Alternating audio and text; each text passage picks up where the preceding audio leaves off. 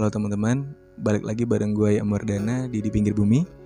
Tapi kali ini gue nggak bakal cerita monolog kayak biasanya, karena ini cerita langsung di DM sama pendengar di pinggir bumi. Terima kasih sebelumnya sudah menambahkan bahan cerita untuk malam ini. Uh, mungkin langsung aja kita mulai ceritanya.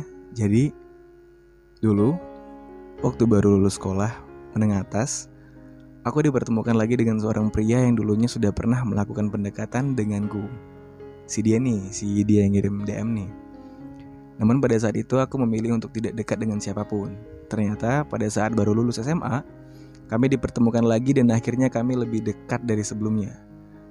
Kami semakin dekat ketika aku selalu menemaninya untuk mendaftar perkuliahan. Jadi kayak di kondisi tertentu, si ini jadi lebih dekat karena selalu nemenin si cowok daftar kuliah. Sampai suatu ketika tiba hari di mana pengumuman kelulusan di suatu universitas di negeri Yogyakarta. Singkat cerita, dia lulus nih. Pada saat itu, uh, aku bingung banget harus senang karena apa yang dia inginkan tercapai, atau sedih karena melepaskan ketika sedang bahagia-bahagianya.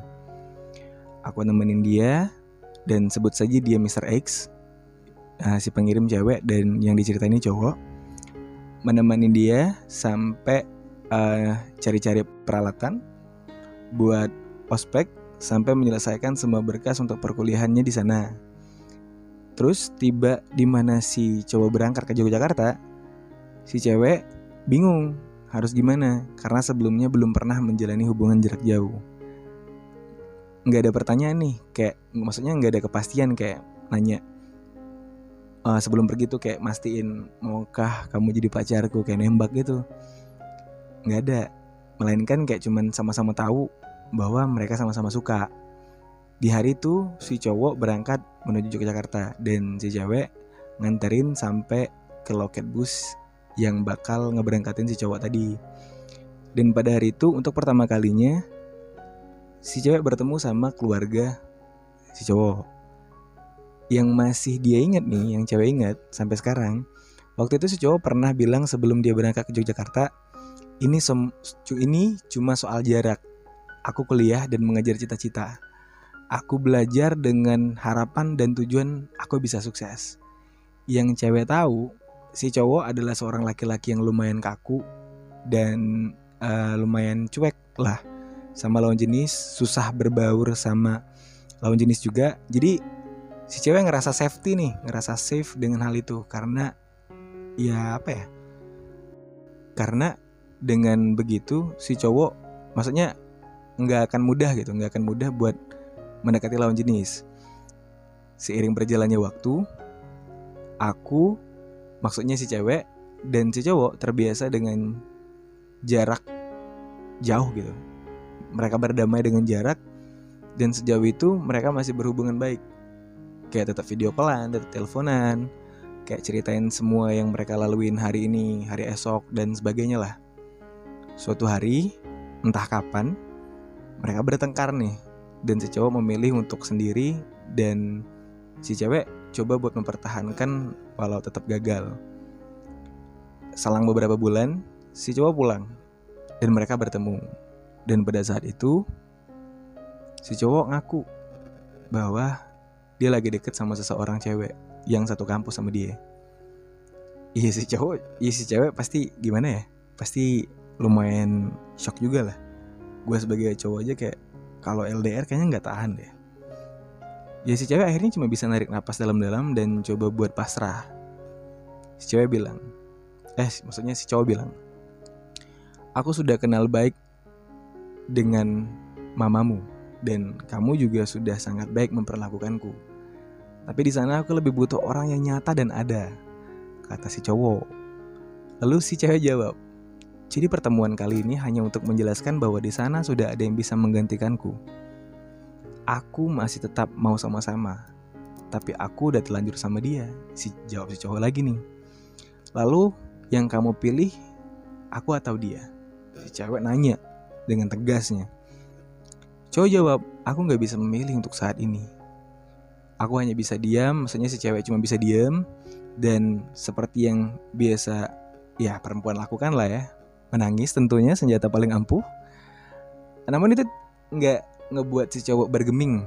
Kali itu keberangkatan si cowok menuju Yogyakarta nggak ngasilin jawaban. Uh, si cewek ngerasa si cowok apa ya nahan si cewek buat nahan gitu loh. Kayak di, kayak dia bilang di di sini aku masih merasa si cowok menahanku tapi juga menahan seseorang lain untuk pergi juga dari kehidupannya. Kayak dia nggak bisa milih antara uh, si cewek yang udah lama ataupun si cewek yang baru. Sampai suatu saat ketika si cewek ke Yogyakarta, ke Yogyakarta karena mengikuti tes untuk masuk salah satu universitas di sana juga kayaknya disusulin deh ini. Universitas yang aku yang si cewek impikan ditulis ini yang aku impikan katanya dan dengan jurusan yang dia impikan juga di sanalah mereka kembali buat bertemu dan selama di sana dia ditemenin oleh si cowok. Ditemenin lagi sama si cowok nih.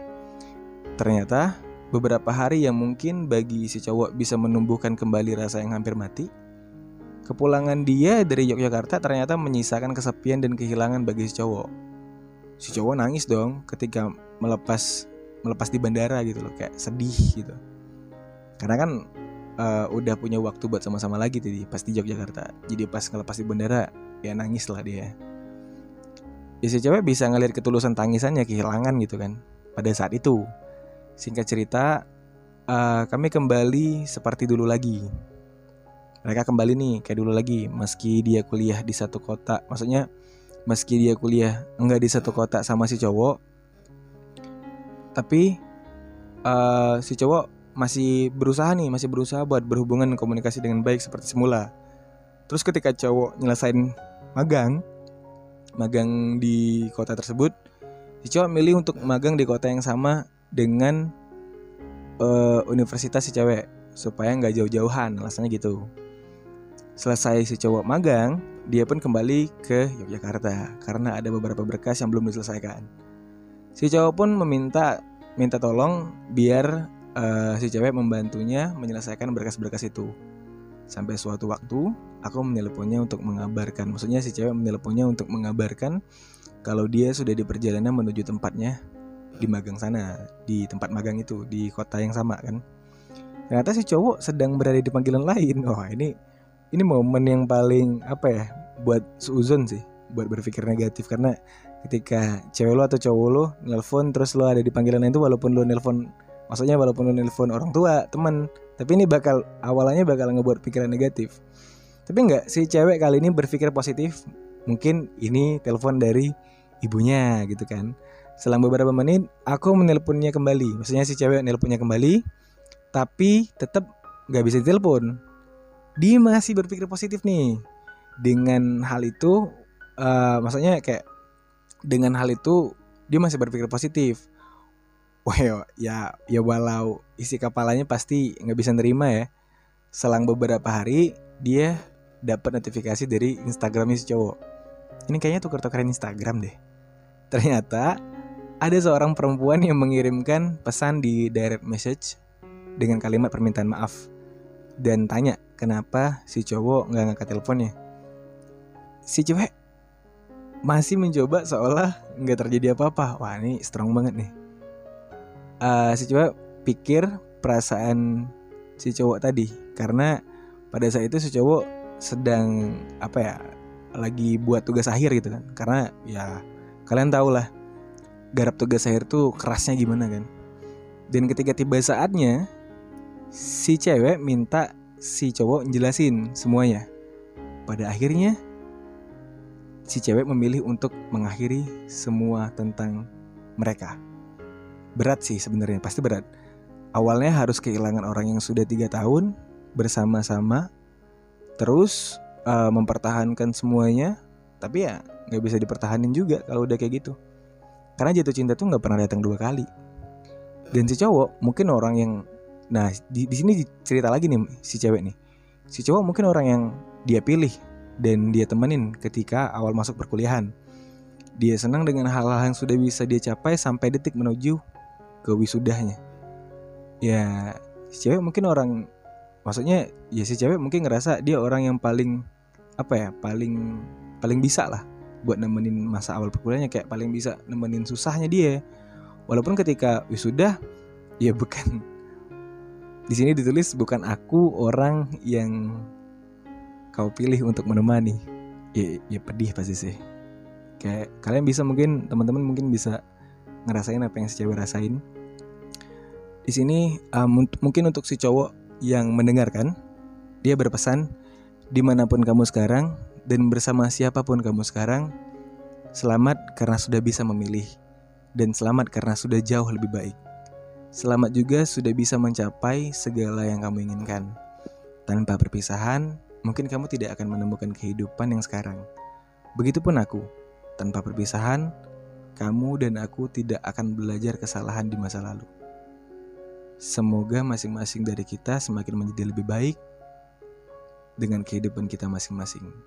Ya, sekian ceritanya kayak gitu aja. Tapi gue dapat beberapa poin sih. Di sini sebuah perjuangan sekeras apa pun nggak bakal bisa maksain takdir. Enggak sih, ini bisa dibilang takdir nggak ya? kayaknya ini takdir deh udah jalannya kayak gitu udah memang alurnya kayak gitu dan ada satu lagi yang gue tekanin banget jatuh cinta itu nggak pernah datang dua kali jadi kalau lo udah pernah jatuh cinta sama seseorang lagi di tengah lo sedang menjalani hubungan ini hubungan ini 50-50 hujan nih udah udah 50-50 persen pilihannya cuma pilihannya cuma dua mau lanjut tapi pasti dengan kerja keras dan uh, usaha yang lebih keras atau udahan dan berdamai aja dengan semua kisah itu. Mungkin sekian. Sorry kalau gue sulit banget menceritakan kisah dari orang lain, tapi that's really good. Terima kasih buat uh, yang sudah mengirim ini. Ini sangat menarik sih menurut gue dan ngasih banyak banget pelajaran. Thank you. Uh, sampai jumpa di lain waktu dan buat teman-teman yang pengen uh, ceritanya dibacain lagi atau maksudnya ceritanya pengen dibacain lagi di podcast di pinggir bumi silakan kirim ke direct message di IG di pinggir bumi jangan lupa follow thank you terima kasih sampai jumpa di lain hari